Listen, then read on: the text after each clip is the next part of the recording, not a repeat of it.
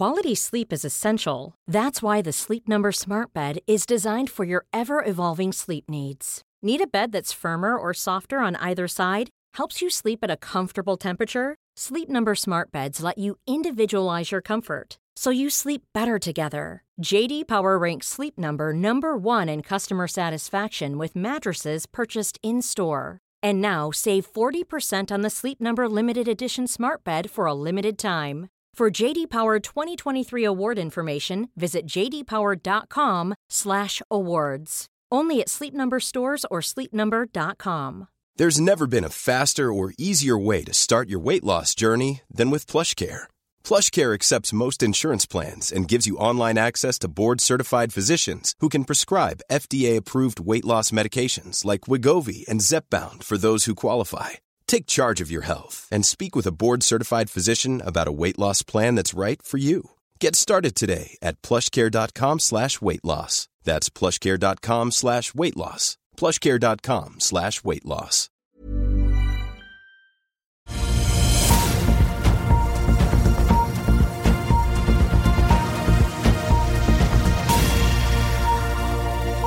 En riktig god torsdagsmorgen alle sammen, og velkommen til Børsmorgen her hos oss i Finansavisen. Mitt navn er Marius Lorentzen sammen med aksjekommentator Karl Johan Målnes fra Smestadammen her i Oslo. Orklas nye toppsjef gjør som lovet, han rydder i porteføljen. Det er sammenslåinger på gang i sparebanksfæren. Vår Energi har en gassnyhet i Barentshavet som mange har ventet på. Det er rentemøte i Frankfurt i dag. USA har fått seg en ny speaker, og den norske ledigheten holder seg stabil på 3,5.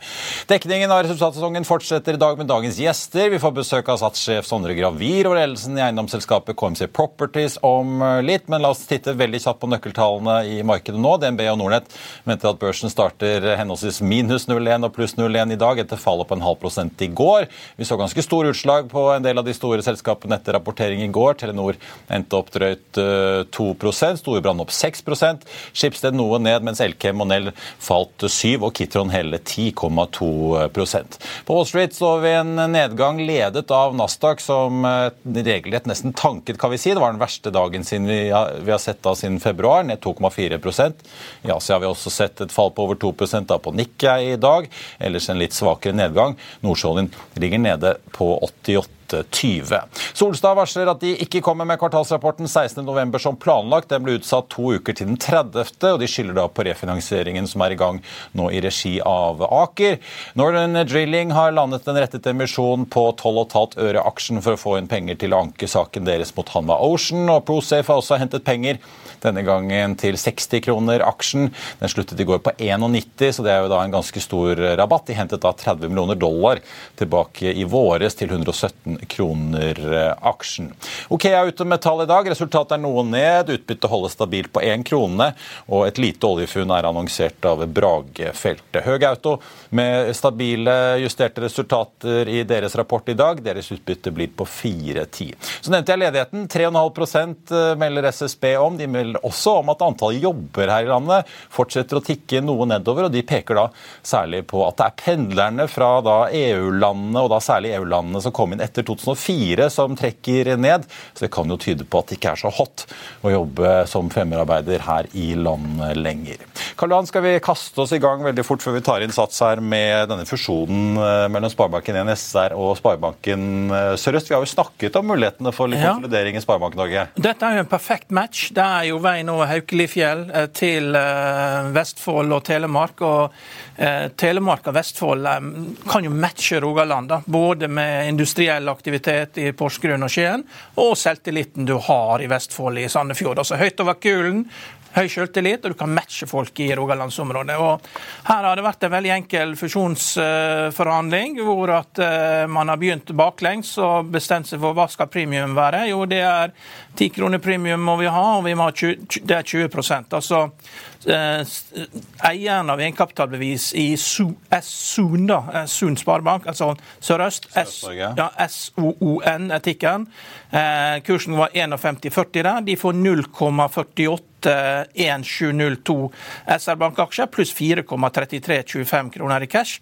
Og det blir da 61,50, og kursen var 51,40 i går, så 10 kroner over. Det er 20% premium. Dette er perfekt match. Disse matcher hverandre mentalt. Det er bare veien over Haukelifjell, og videre forbinder jo disse her, det er mange offshorearbeidere. Dette, dette kommer til å bli en bra fusjon, fordi at de, mentalt så er de på samme sted, disse fylkene. da.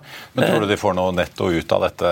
Altså at én og én blir tre, holdt jeg på å si, for det, det, det, er viktig, det, er jo viktig, at dette er jo komplementære regioner. altså Rogaland er jo veldig oljeretta, og det, sannsynligvis så skal vi jo ha mindre oljeaktivitet. mens Sørøst-Norge, da, eller Sørøst, det er jo et veldig kommersielt område og har også industri. Da. Så dette er en fornuftig fusjon. Det, det ville vært nesten helt umulig å gjort det samme med Sparebanken Sør eller Sparebanken Øst. Altså, det er jo helt andre kulturer. Men dette, dette er god match. Og det er bare veien over Haukelifjell, så er de connected. Et resultat for skatt på Sparebanken NS er altså ja. på 1,4, litt bedre enn det som var ventet på 1,3. Ja. Og, og, begge er i Oslo. De kan begge bli større i Oslo. Ja. Ja. ja, DNB og de andre får passe seg? Nei, jeg tror ikke det. jeg tror ikke det er noen fare. Det ser i hvert fall ut til at begge aksjene starter opp. Eh, vi må ganske kjapt eh, gå videre før vi skal ta Orkla etterpå, Karl Johan. For vi skal til et selskap som er i stadig, stadig bedre form etter pandemien, men som altså også får stadig flere medlemmer, og etter hvert som kondisen har blitt bedre så har dere også trimmet bort eh, mye av gjeldsbyrden, som Sondre Gravir, konsernsjef i Sats. God morgen og velkommen. Takk for det. Du, dere skriver at uh, dette ikke er ekstraordinære resultater, men den nye normalen. Hva legger dere i det? Nei, det har, vært, det har, jo vært, noen år som har vært ekstraordinære i, i hovedsakelig negativ retning gjennom ja. pandemien. Og da er jo dette på en måte første året som er ganske stabilt. Vi hadde et, eh, et, eh, år i fjor hvor, eh, som var preget av mange også ekstraordinære forhold rundt strømpriser. Og så hadde vi en høy medlemsvekst i andre halvår, som også påvirket tallene spesielt i positiv retning da. Nå er det mer et normalår, så nå har vi hatt tre kvartal som, som har blitt positivt mottatt, men som vi mener egentlig er mer normal kvartal, og som er underliggende ganske lik som det finansielle setupet vårt var før pandemien.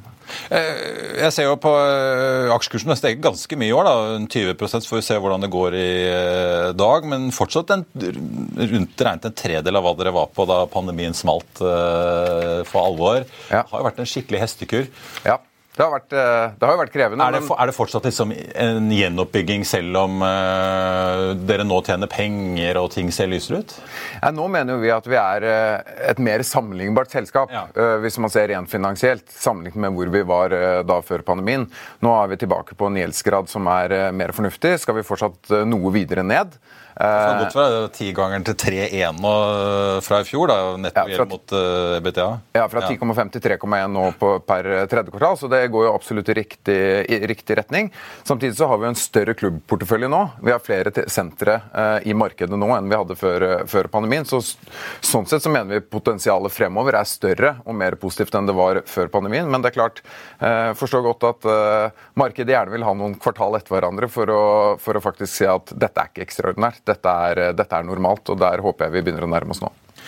Si litt om uh, hvordan dere tror utviklingen blir fremover. Da. For nå har dere jo, som dere skriver, vært litt forsiktige med å åpne nye sentre. Dere har en ganske god vekst i både antall medlemmer og også treningsøkter. Så utnyttelsen av sentrene blir jo ganske pen her.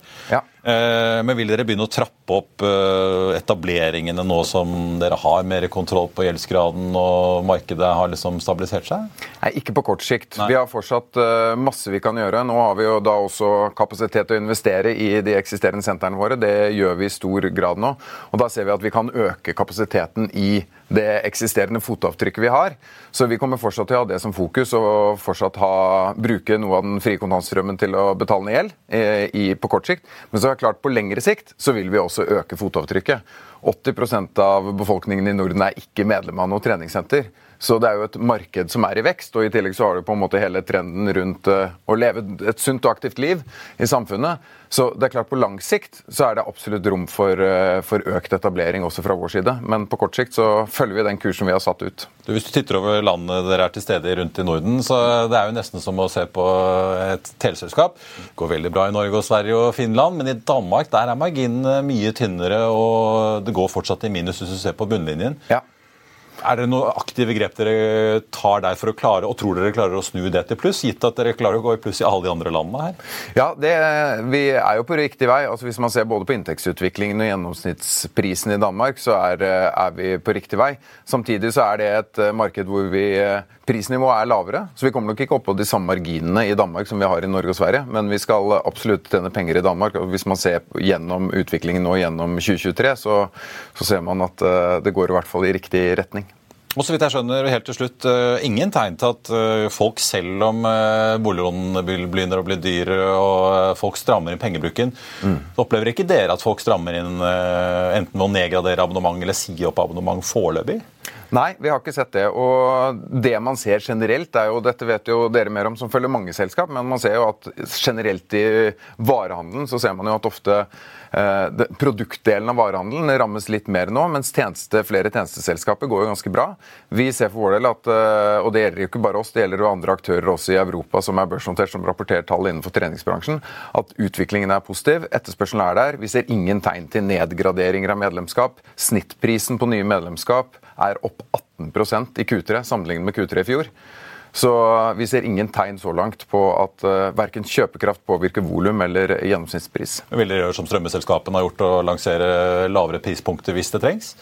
Vi har jo også Fresh Fitness i det norske markedet, som er Norges største lavprisaktør. Så vi har også en aktør der. Men, men uh, vi, vi, kommer ikke til å fokusere på å ta ned, uh, ned prisnivå. Vi vil heller øke produkttilbudet. Jeg sitter jo med kvartalsinntektene her foran meg. og, og uh, hvor sterke sesongsvingninger forventer du inn til neste år? Liksom, jo, hvor, hvor, hvor, mye høyere er inntektene første halvåret sammenlignet med andre halvår? Ja, det er klart, dette året her er jo det første året siden pandemien hvor du har noe mer sesongsvingninger. Så var nok sesongsvingningene større før. Altså, typisk så er jo første kvartal et kvartal hvor vi får økt medlemsbase. Andre kvartal er et kvartal med noe lavere kostnader, men hvor du får med deg inntektene fra første kvartal. Eh, sånn at Der er jo medlemsutviklingen ofte noe svakere, men inntektsutviklingen ofte veldig positiv. Men, men disse sesongsvingningene er lavere nå enn de var eh, for noen år siden. Sånn at eh, vi ser et mer jevnt volum, som igjen da påvirker inntektene gjennom året. Karlan, jeg må la han gå, for han skal ned på en Q&A til analytikerstanden her. Sondre Gravir Ressas, tusen takk for at du sprintet innom på morgenkvisten i en veldig hektisk kvartalsdag. Da Karl skal vi snakke om eh, Orkla, som selger eh, deler av eh, Orkla Food Ingredients til Rån. Og er ute med kvartalstall i dag. Ja, Det viktigste her er jo at det virker som at de har snakka veldig godt med analytikerne. så Både inntekter og nettoresultatet og justert debit er helt smack in line. Det får du ikke til hvis ikke du har snakka veldig nært med analytikerne. For det er altfor mange bevegelige deler til at det er tilfeldig. Så alt online inline her. da.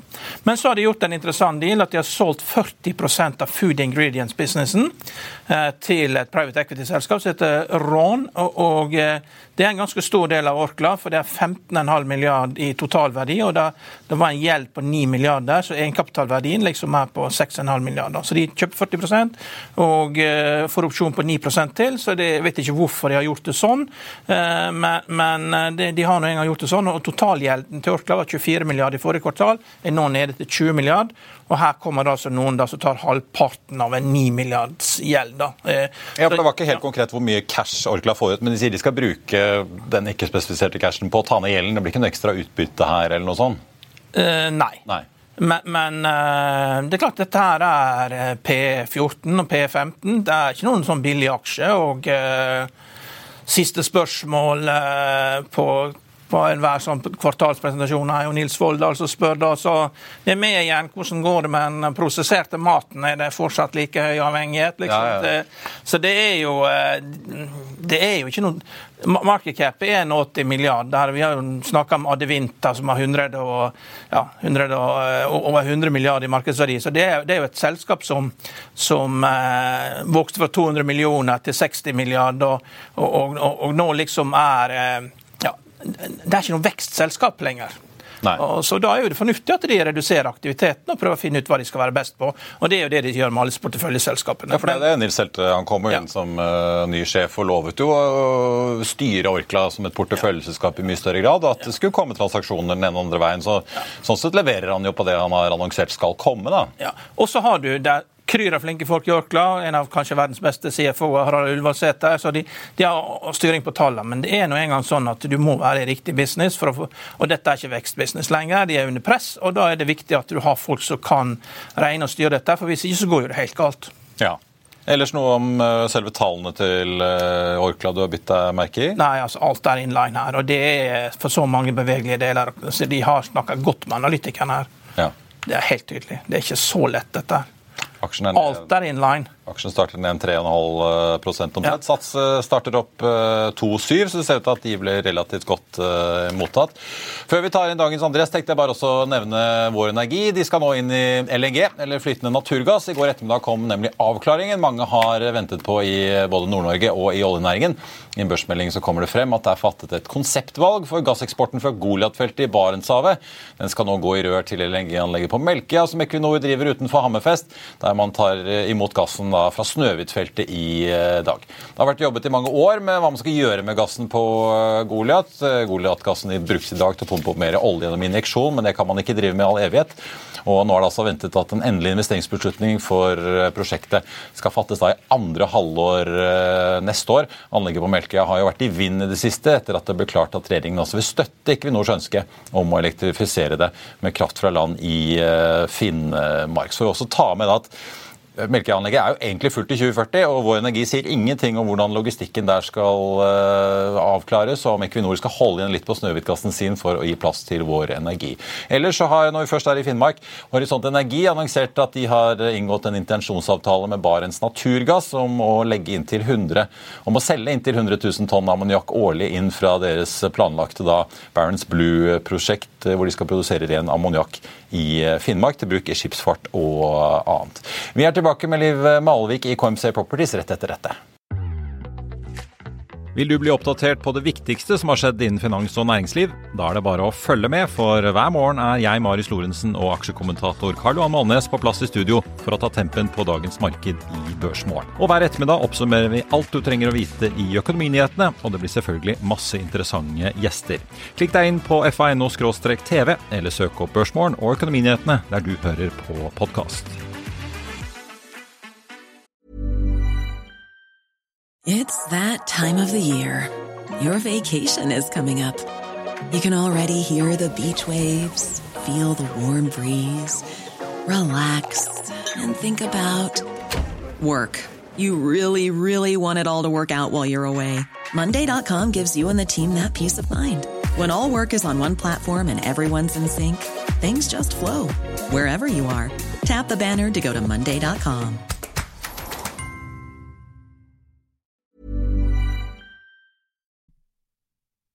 I'll see you in court. Vi sier det ofte litt på spøk, men for deg som driver business, er det aldri moro å innse at du ikke har laget en 100% gyldig kontrakt. Du bør ikke risikere hele firmaet ditt fordi du synes dette med kontrakter er litt stress. En avtale er ikke en avtale. Du kan miste kunder, miste venner, ja, til og med miste inntekter om du ikke lager en skikkelig kontrakt, på alt mulig, egentlig. Men vi vet det er et styr kopimaskiner, tregprinter og haugevis av papir.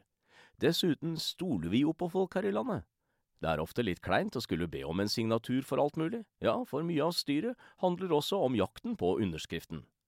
Det finnes en enkel måte å løse dette på, Dukkobit, en trygg, effektiv og get this, gratis måte å sikre seg en god natts søvn pluss en juridisk bindende avtale. Dukkobit-appen har de strengeste sikkerhetskrav i bunn, samt en EU-godkjent og sertifisert teknologi. Framover vil det bli behagelig å spørre du, skal vi skrive under på det, eller? Kom i gang på dukkobit.no.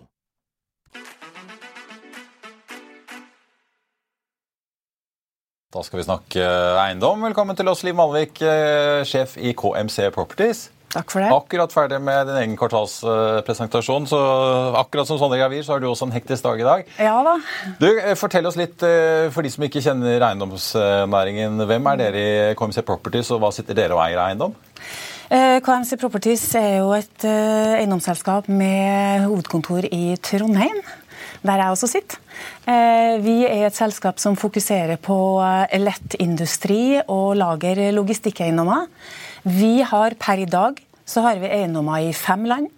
eh, mange i Norge, men vi har også en stort antall eiendommer i både Sverige og Danmark. Vi har også noen i Finland og Nederland.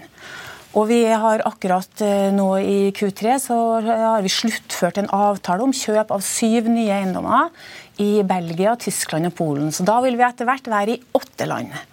Eh, eiendommene våre det er som sagt lettindustri og lager.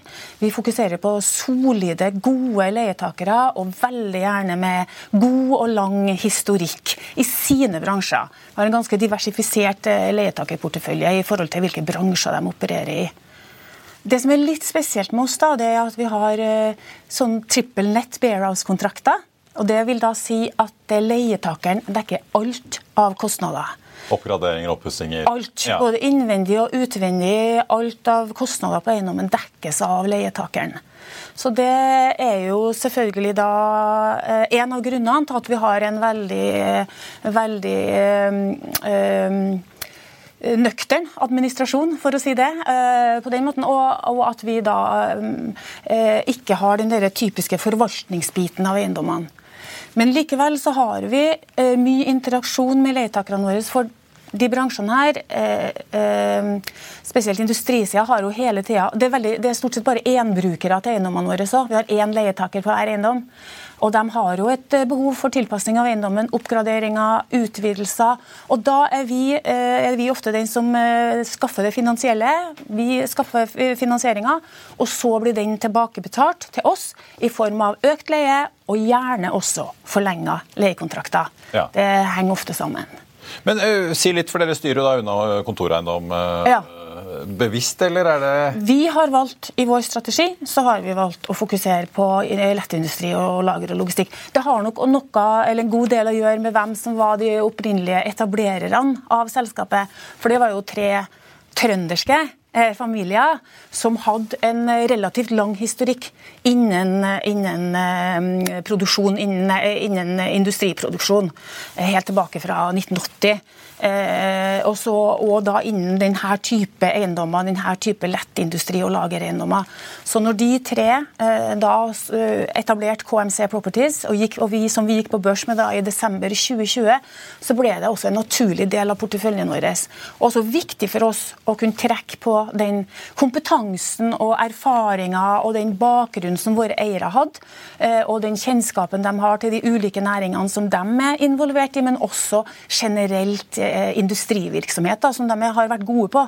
Så da var det helt naturlig for oss. Så har vi også hatt stor tro på det her segmentet, da, i kraft av at det er stabile, det er lange leiekontrakter. Walton vår, altså Den gjenværende leietida i porteføljen vår er jo på over 11 år. Som... Ja, kan jeg spørre om det, for at, uh, Nå har jo liksom Bård Bjølgerud i Colliers påpekt uh, Man kan diskutere mye om, om takstene på ja. næringseiendom, men i aksjemarkedet der er uh, brutaliteten ganske stor. altså mm. Der har man jo sendt både dere og andre kraftig ja. ned i kurs den siste tiden grunnet økte renter. Mm. Hvis man nå sitter som investor og lurer på om, om på en måte man skal gå inn i eiendom, eller hvordan man skal tenke her, mm. så er jo én ting er jo rentebelastningen og evnen mm. til å betjene, men det andre er jo leietakerne og risikoen mm. eventuelt man har. da. Mm. Men gitt den lange tiden dere har eh, gjenstående likevel, er det noen fare, sånn som vi så med Equinor på kontorbygget på Fornebu, hvor de kjøper seg da mindre areal eh, gjennom kontrakten? Har dere noe risiko for det? At ja, ok, det, på papiret ser det ut som eh, at uh, leiekontraktene er lange, men at det ligger mye opsjoner her Nei. for leietakerne til å kjøpe seg ut eller kjøpe Nei. seg ned? Nei. Det har vi ikke i vår portefølje. Nei. Nei. Tvert imot så har våre leietakere opsjon, opsjon på å forlenge, mm. selv om de har en lang leiekontrakt i utgangspunktet. Og det er jo det her er jo ganske, det er jo, Industri er jo, og i hvert fall med våre leietakere, da, som jeg kjenner best, da, det er sånn at de gjør store investeringer i maskinelt utstyr i eiendommen. Når vi nå eh, bygde for Bevi f.eks. på Senja, Eh, da var BV sin, Vår investering var på rundt 85 eh, millioner, tror jeg. Jeg tror BV sin investering, som var vår leietaker der, jeg var leietaker der, var på 75 millioner. Mm. Så våre leietakere altså, Som uh, selger inn til oppdrett? Ja. ja, ja. Eh, så våre leietakere, Det gjelder ikke bare dem, det gjelder stort sett alle våre leietakere. De gjør store investeringer i, i eiendommen i form av eh, infrastruktur innvendig i eiendommen, som ikke vi finansierer, men som de finansierer. Terskelen for dem for å gåsehudene trekke ja. seg eller ja. se etter noe annet, den er ganske høy. Ja, den er men, veldig høy. Eh, ta da på, Hvis jeg går fra det til rentebelastningen, hvis man ser på kontantstrømmen. Ja. Dere så har dere jo, eh, med å bare finne tallene i notatene mine, men dere har jo, var vel en 250 millioner, hvis jeg ikke husker det helt feil, i fri kontantstrøm fra dritt så langt i år. 150 på renter pluss litt avdrag. Mm. Så dere har jo fortsatt en god eh, buffer, men hva, hva er planen hvis rentenivået skulle tikke enda mer oppover her? Nei, altså... eh, hvor det da begynner, kanskje begynner å nærme seg én til én her? Eh, vi er ganske rolig på det, fordi at vi ser jo som du sier, vi har en, godt, eh, en god margin eh, på rentedekningsgraden, som er, eller ICR-en. 282 var det tallet ja, ja. som, er veldig, som er veldig vinden nå, eh, spesielt for eiendomsselskaper. Ja.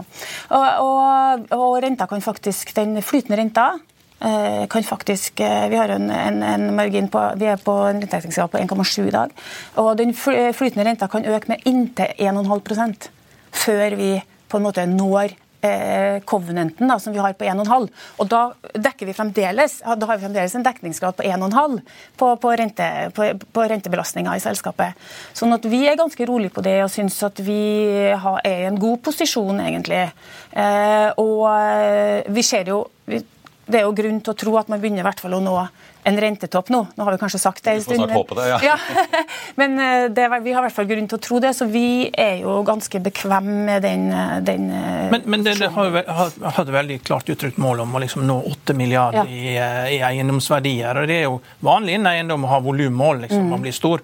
Men nå har jo renten gått opp. Hvordan påvirker det hvilke mål dere har? Er eiendommene blir jo billigere. og liksom an, Hvilke andre mål er det dere har? Har dere noen styringsmål på lønnsomhet? Altså det som, er, eh, som, som, du sier, Vi har et mål på å nå 8 milliarder ved utgangen av 2024.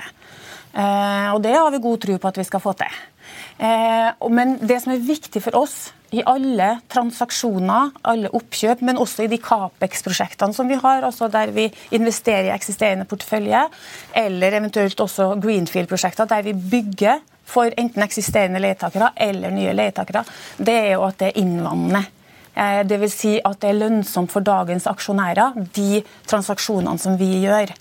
Sånn at Det er et viktig måltall for oss. Også, du må få større avkastning på denne investeringen enn det ja. kapitalkostnaden din er? da? Ja. Så må, det må være positivt for dagens aksjonærer. Det, vært, det, er en viktig på en måte, måleparameter for oss. Men Vil ikke det dukke opp veldig mange attraktive tilbud som ser bra ut på papiret, men som ikke har fungert? Som er fristende å kjøpe, som ser bra ut på papiret, men som ikke er det?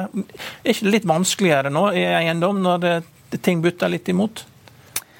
Ja, Det stiller jo større krav til at uh, den investeringa du skal, eller den eiendommen du skal kjøpe, har større lønnsomhet, da, rett og slett. Ja, men Jeg kan ha det på papiret, men Ja, men da tenker jeg, eller vi da, at da må vi bruke den kompetansen vi har. Og kunnskapen, at vi bruker den til å gjøre de vurderingene. Hvilke type bransjer er det vi har stor tro på? Vi er jo f.eks. store i sjømat. Det er jo en bransje som vi har stor tro på skal være. Og så har vi også annet næringsmiddel i, i, porteføljen vår. Det har vi jo tro på at skal være fremdeles. Mm.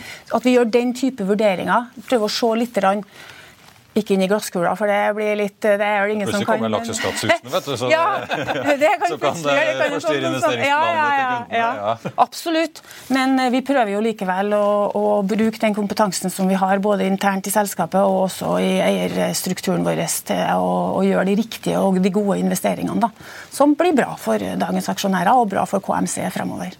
Nå får vi se hvor rentene ender, da, men uh, fortell litt om hvordan dere tenker rundt kapitalallokeringen deres eh, fremover. da, for Dere har jo akkurat kjøpt flere eiendommer. Mm. Eh, det var jo både banklån og litt mm. egenkapital. Dere har mm. fått inn en ny storaksjonær eh, mm. for øvrig. Kanskje vi skal ta det først Norica, ja. som kommer altså inn 12,7 opsjon til å øke til over 17 mm. Kjenner dere de fra før, eller? Eh, nei, men vi har jo blitt ganske godt kjent med dem i løpet av høsten her. Eh, de har hatt en meget eh, nye gjennomgang av selskapet så før de gikk inn. Så vi har blitt godt kjent med dem og har veldig godt inntrykk av dem. De jo også, har jo også kompetanse på denne type eiendommer og, og, og kan bidra inn til, til, selskapet, så vi er veldig fornøyd med Nordica som ny aksjonær. Nordisk eiendomsinvestor, ja. Mm. Men bare for å ta det, fordi at Nå får vi se hvor rentetoppen mm. blir. men hvis dere da har kapital til overs. Mm. Dere har jo kjøpt en del eiendom nå i høst. Samtidig så skriver dere jo at når dere har tilstrekkelig likviditet, så vil mm. styret altså foreslå å begynne å betale utbytter på mellom 30 og 50% av kontantresultatet. Mm. Men i dette markedet, da, hvor mange eiendomsprisene kommer ned, så får dere kanskje også mange tilbud på bordet vil jeg tro, å kjøpe ting. Hvordan veier dere de to opp mot hverandre? Ja, det er jo den, eh, den eh, oppveiinga der, skal jeg si, med de to faktorene, enten utbetale utbytte eller investere, så har vi jo hittil valgt å investere pga. at vi har sett at vi har hatt såpass gode investeringsmuligheter som har gitt såpass god avkastning til selskapet og aksjonærene, at det har vært riktig for oss eh, så langt. Nå kan det jo komme noen gode Eller det kommer jo sannsynligvis flere gode muligheter i markedet fremover. Så da blir det jo en avveining som eh, selskapets styre må gjøre. Da, hvor mye av den løpende kontantstrømmen som skal brukes til investeringer, eller om det da skal, skal, skal genereres til utbytte til aksjonærene. Så det, det, er en sånn vurdering som styret må gjøre eh, når vi kommer så langt. skal jeg si. Mm. Ja, vi så Entra kutte utbytte nå. Da, mm. Men altså, har dere noen tidsplan for når dette kan bli aktuelt, basert på sånn tallene og verden ser ut nå? Snakker vi liksom et år frem i tid, eller ligger det enda lenger ned i løypen? Jeg, jeg, jeg, jeg, tror ikke jeg skal tidfeste det i det hele tatt. for vi, eh, vi, jo, vi, trodde jo før de siste si, ett og et halvt årene at man skulle komme i utbytteposisjon noe tidligere eh, enn det vi ser nå. Da. Så det tenker jeg at det må være en, en styrebeslutning eh, om når de tenker at selskapet skal begynne å betale utbytte. Eh, ellers da, nå hadde dere den store uh, transaksjonen, eh, for dere har jo kjøpt flere eiendommer fra Vevi tidligere. Mm. Nå kom den siste delen mm. nå. Er det noen større transaksjoner som dere på en måte kan fortelle om nå som dere vet kommer, eller? Ingen som vi vet om som kommer utover det som vi har gått offentlig med, skulle jeg si, på den resterende del av den BV-porteføljen. Så får vi se. Spenningen i eiendom er ikke over ennå, Karl Johan? Den er ikke det. Nei, nei, nei. Vi syns det er veldig spennende. Det vil jeg tro. Ja. Liv Malvik, eh, sjef i Commissar Properties, tusen takk for at du eh, kom til oss.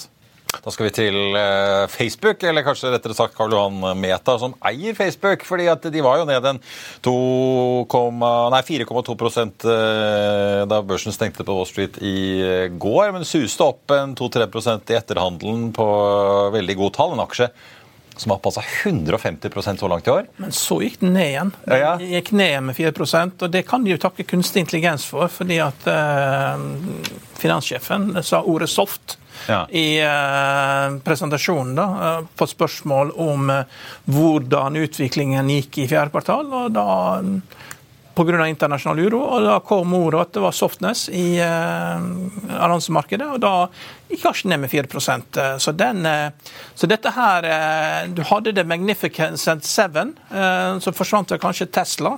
Så du er nede i seks. Så dette her begynner å bli som en sånn kriminalnovelle. Til slutt så avslutter And then there were none. Ja, vi, vi, får se. Da er det, så, da er det noen aksjeindeksfond som begynner å få problemer. For det er jo ja. veldig få som du er inne på, veldig få aksjer som har drevet veldig mye av markedet i lang tid nå. Alphabet falt med 10 i går. Det, ja, det var brutalt. Enormt, brutalt fall. Men det er jo fordi at de ikke er villige til å omfavne da, eh, eh, kunstig intelligens. Da. Og Nvidia får jo masse konkurranse. Alle kundene skal, skal jo kopiere de, så Nei, dette her er bare begynnelsen. Dette er eh, det, det, det.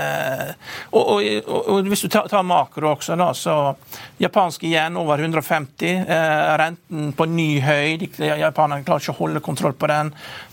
Tiårsrenten i USA på vei over 5 De har sagt den skal til 5,5 Så det er tilbud og etterspørsel etter penger. Det er det som styrer dette her.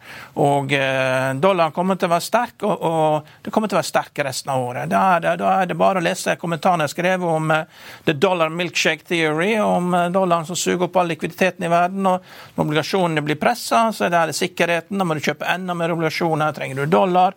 Så dette her er eh, Det er press. Mm. Rett og slett press på alle selskapene. Og når ikke engang da Magnificent Seven kan levere, ikke Tesla, ja, ikke Alphabet, ikke Meta kommer jo med tall i kveld, vel. Eh, Aksjene ned med 6 Det var det jeg skulle til å si. Andy Jassy han har jo eh, høye ja. forventninger på seg nå, da, når han er ned 5-6 i forkant. Da... Ja, men renta svir. Ja. Eh, sånn er det. Så. Og så kom jo det da regnskapssvindel i et av solselskapene i USA, så SunPower, det eneste skikkelige selskap som lager egne solceller. Eh, de kom jo ut og fortalte det at der hadde vært svindel, og der er brudd på, brudd på covenants. Eh, de, så der må jo den nye emisjonen til. Aksjekursen ned fra 13 til 4 dollar. og det var et skikkelig selskap. Solgte ting, ikke noe leasing. og Produserte ting i Asia. og ja, det er Sort på tak er ikke noen god forretningsidé, rett og slett. Enten du selger det eller leaser det. Så, ja, for jeg tenkte Vi må nesten ja. nevne Otovo ja. ute med tall i dag. Vi trenger ikke ja. å gå i detalj på de, men det er litt uh, fiffig at de, de, vi skriver jo at de vil vurdere å gjennomføre en emisjon for å finansiere vekst. Og Det er jo akkurat det samme som uh, Helene Kvilaug Brøndbo i DB Markets uh, for så vidt spådde i dagens avis, men dette har hun jo snakket om på Børsmorgen her hos oss også tidligere. For øvrig den EBTA, altså brutto driftsresultat på minus 76 millioner i Otovo. Det er, det er, jo fortsatt eh, store underskudd, eh, selv om de har hatt en imponerende vekst. da. E- estimatene var nettoresultatet skulle bli minus 86 millioner. Det kom inn på minus 121. Inntektene skulle være 313, de ble 249 millioner. Det er helt katastrofe. Og det med solcellepaneler som jo har fått voldsomt i pris, sånn at ja. det burde jo utløst uh, investeringer. Dette her, er, dette, dette her, er, rett og slett bare et kostnadssenter for grønnvaskere. Det skulle aldri vært på børs. Det, I USA så er jo liksom en minimumkrav for at du skal være på børs, at det du prøver å tjene penger. Dette her er jo ikke det i det hele tatt. Det er bare et kostnadssenter. Det er kraftselskaper og et svensk, eh, stort svensk eh, firma som driver med kolonial. og De, de var jo bak den Dustin-emisjonen. Kraftig utvannet emisjon. Så den ser kursen her nå er kraftig ned. Så dette her blir jo en eh, så er den ned med 20 Ottovo nå. Det, ja, Sikringen er gått på 22,5, ser jeg. Så, det er, ja, så det er, dette her blir sånn Emisjonen blir langt, langt ned. Jeg har ikke lyst til å sette noe kurs, men dette her, det, det, hører egentlig ikke hjemme på børs. Dette er kostnadssenter. Det er omtrent som å selge tørkeruller for et russesenter. Det er fem ganger så dyrt som kostnaden kostnaden. Dette er en utility. Kan få det for 70 øre med et stort kraftselskap. Trenger ikke betale 2-3 kroner kilowatten fra å ha solceller på tak, hvis ikke du er en posør, da. Ja. Men det er for posører. Eh, hvis du, har, hvis du ikke får utgiftene det er kult å ha. Det er for kult å ha. Hvis du ikke får utgiftene til å strekke til, gå på Finn, eh, kjøp deg en grønn eh, Porsche Taycan, og så er du grønn med en gang. Trenger ikke ha solceller på taket. Mange flere ser en grønn Porsche Taycan enn å ha disse solcellene på taket. Spørsmålet om du vil ha en mammagrønn Porsche Taycan i dagens verden, da? Jo, jo, jo. Det er får til halv million kroner. Så jeg tror det, ja, det, er bare å bare kjøpe. ikke sunnmøringen i det når du så de prisene på Finn. ja, jeg løp og kjøpte og maler om det er like før. Men vi får eh, se i kveld. da. Jeg synes jo likevel, altså Jeg bare satt og så på disse metatallene i går. Eh, altså selv om de var opp så ned likevel, da. Men eh, altså en inntektsvekst på 23 og disse tapene etter Reality Labs, eh, hvor de holder på med både eh, augmented reality og disse brillene og alt mulig. Altså et, et tap på 3,7 milliarder i kvartalet og 25 milliarder dollar siden 2022. Ja, ja. Og de forventer større tap i 2023. Ja, altså det er noen summer her. Meta har et investeringsbudsjett for 2024 som altså de legger opp til nå på, på, mellom 30 og 35 milliarder dollar. Det er altså 10 milliarder dollar mer enn det Exxon investerer i året. Og tre ganger Equinor. Altså, det er jo så enorme summer at det er jo det er nesten ikke til å tro. Ja, men det er sånn at Nå tjener for mye penger. vet du. De, halvparten, av, halvparten av folk i verden er jo innom en av deres apper hver dag. Altså Det er fire milliarder mennesker som er innom en av deres apper. 2,1 milliarder daglige brukere ja, i tredje kvartal. Ja. Det er liksom én av tre. Dårlig samvittighet. Ja. Men det er jo helt vanvittige summer, ja. da. Splitta verden, skapt borgerkriger og massemord i eh, ja, ulike land i Sørøst-Asia. Så det er nei, ikke bra. Man leverer jo en vekst på nettinnkom på 160 da, til 11,6 milliarder. Så det er jo penger igjen på bunnen her. Selv om det, det brukes mye penger på virtuelle briller. Og... Nå husker jeg ikke tallet for hvor mye du skulle ha for Meta, men det var folk som sa i går at han kunne brukt en tredjedel, og det ville likevel vært altfor mye penger på dette. Ja. Vi får se om eh, brillene slår an i årets julehandel. Ja. Rett og slett. Takk eh, skal du ha, Kolland. Jeg tenkte bare også å nevne på eh, tampen da, at det er ganske store utslag på en del av selskapene som har sluppet tall i dag. Sats ligger opp litt over 3% nå. Okea svakt ned en kvart prosent. Disse to sparebankene som vi nevnte, vi får ta SR Bank først, da, som leverer både litt bedre tall enn ventet, og også annonserer denne sammenslåingen med Sparebanken Sørøst. SR Bank opp litt over 2 Sparebanken Sør-Øst opp nesten 16 Og så har vi da Otovo ned nå 26% Orkla ned litt over 5 Så tenkte jeg også bare å ta med TGS og PGS, som er ute med tall i dag, de også. De melder at denne fusjonen er godkjent i styrene. Begge aksjene ligger opp en 3,7 Tallene de kan du lese mer om i detalj på fa.no. Jeg tenkte i hvert fall bare å nevne at TGS nå venter multiklientinvesteringer på rundt 400 millioner dollar i 2023. Det er opp 50 eh, millioner dollar fra den tidligere guidingen, så enda litt lystigere syn på fremtiden der, eh, altså. Så er det Yara da, som har fått et nytt brev fra skatteetaten her i Norge. Risikerer en ekstraregning på 170 millioner dollar i eh, skatt. Yara-aksjen ned en drøy halv prosent i dag. Potensielt kan skatteregningen bli enda større, men Yara mener de bør kunne vinne saken, og har ikke gjort avsetninger i regnskapet eh, enda. Ellers er hovedveksten ned 0,2 eh, nå. Vi venter jo da bl.a. på Equinor og Aker BP som kommer i morgen. De ligger på første- og tredjeplass på mest omsatt-listen med PGS mellom seg. Begge de er litt ja, opp 0,2% i dag, etterfulgt av DNB som ligger ned 0,9. Og så får jeg også Jeg nevnte kanskje oljeprisen 88,90 der, altså. Eh, og, apropos Tovo. Andreas Thorsheim, sjefen i Tovo, er for øvrig gjest da hos eh, kollega Stein Ove Haugen i Økonominyhetene 14.30 i dag, så det er absolutt verdt å få med seg. Det var børsmålen for denne torsdagen 26. oktober. Få med deg Otovo-intervjuet altså i ettermiddag. Før den tid så får du som alltid siste nytt på fa.no gjennom hele dagen. Mitt navn er eh, Marius Lorentzen. Vi ses igjen i morgen tidlig. Tusen takk for følget. Hei.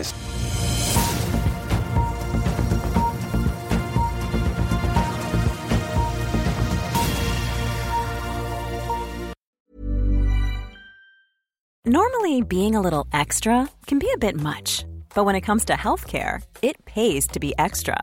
And United Healthcare makes it easy with Health Protector Guard fixed indemnity insurance plans. Underwritten by Golden Rule Insurance Company, they supplement your primary plan, helping you manage out of pocket costs without the usual requirements and restrictions like deductibles and enrollment periods. So when it comes to covering your medical bills, you can feel good about being a little extra. Visit uh1.com to find the Health Protector Guard plan for you.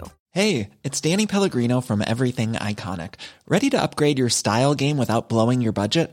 Check out Quince. They've got all the good stuff shirts and polos, activewear, and fine leather goods, all at 50 to 80% less than other high end brands.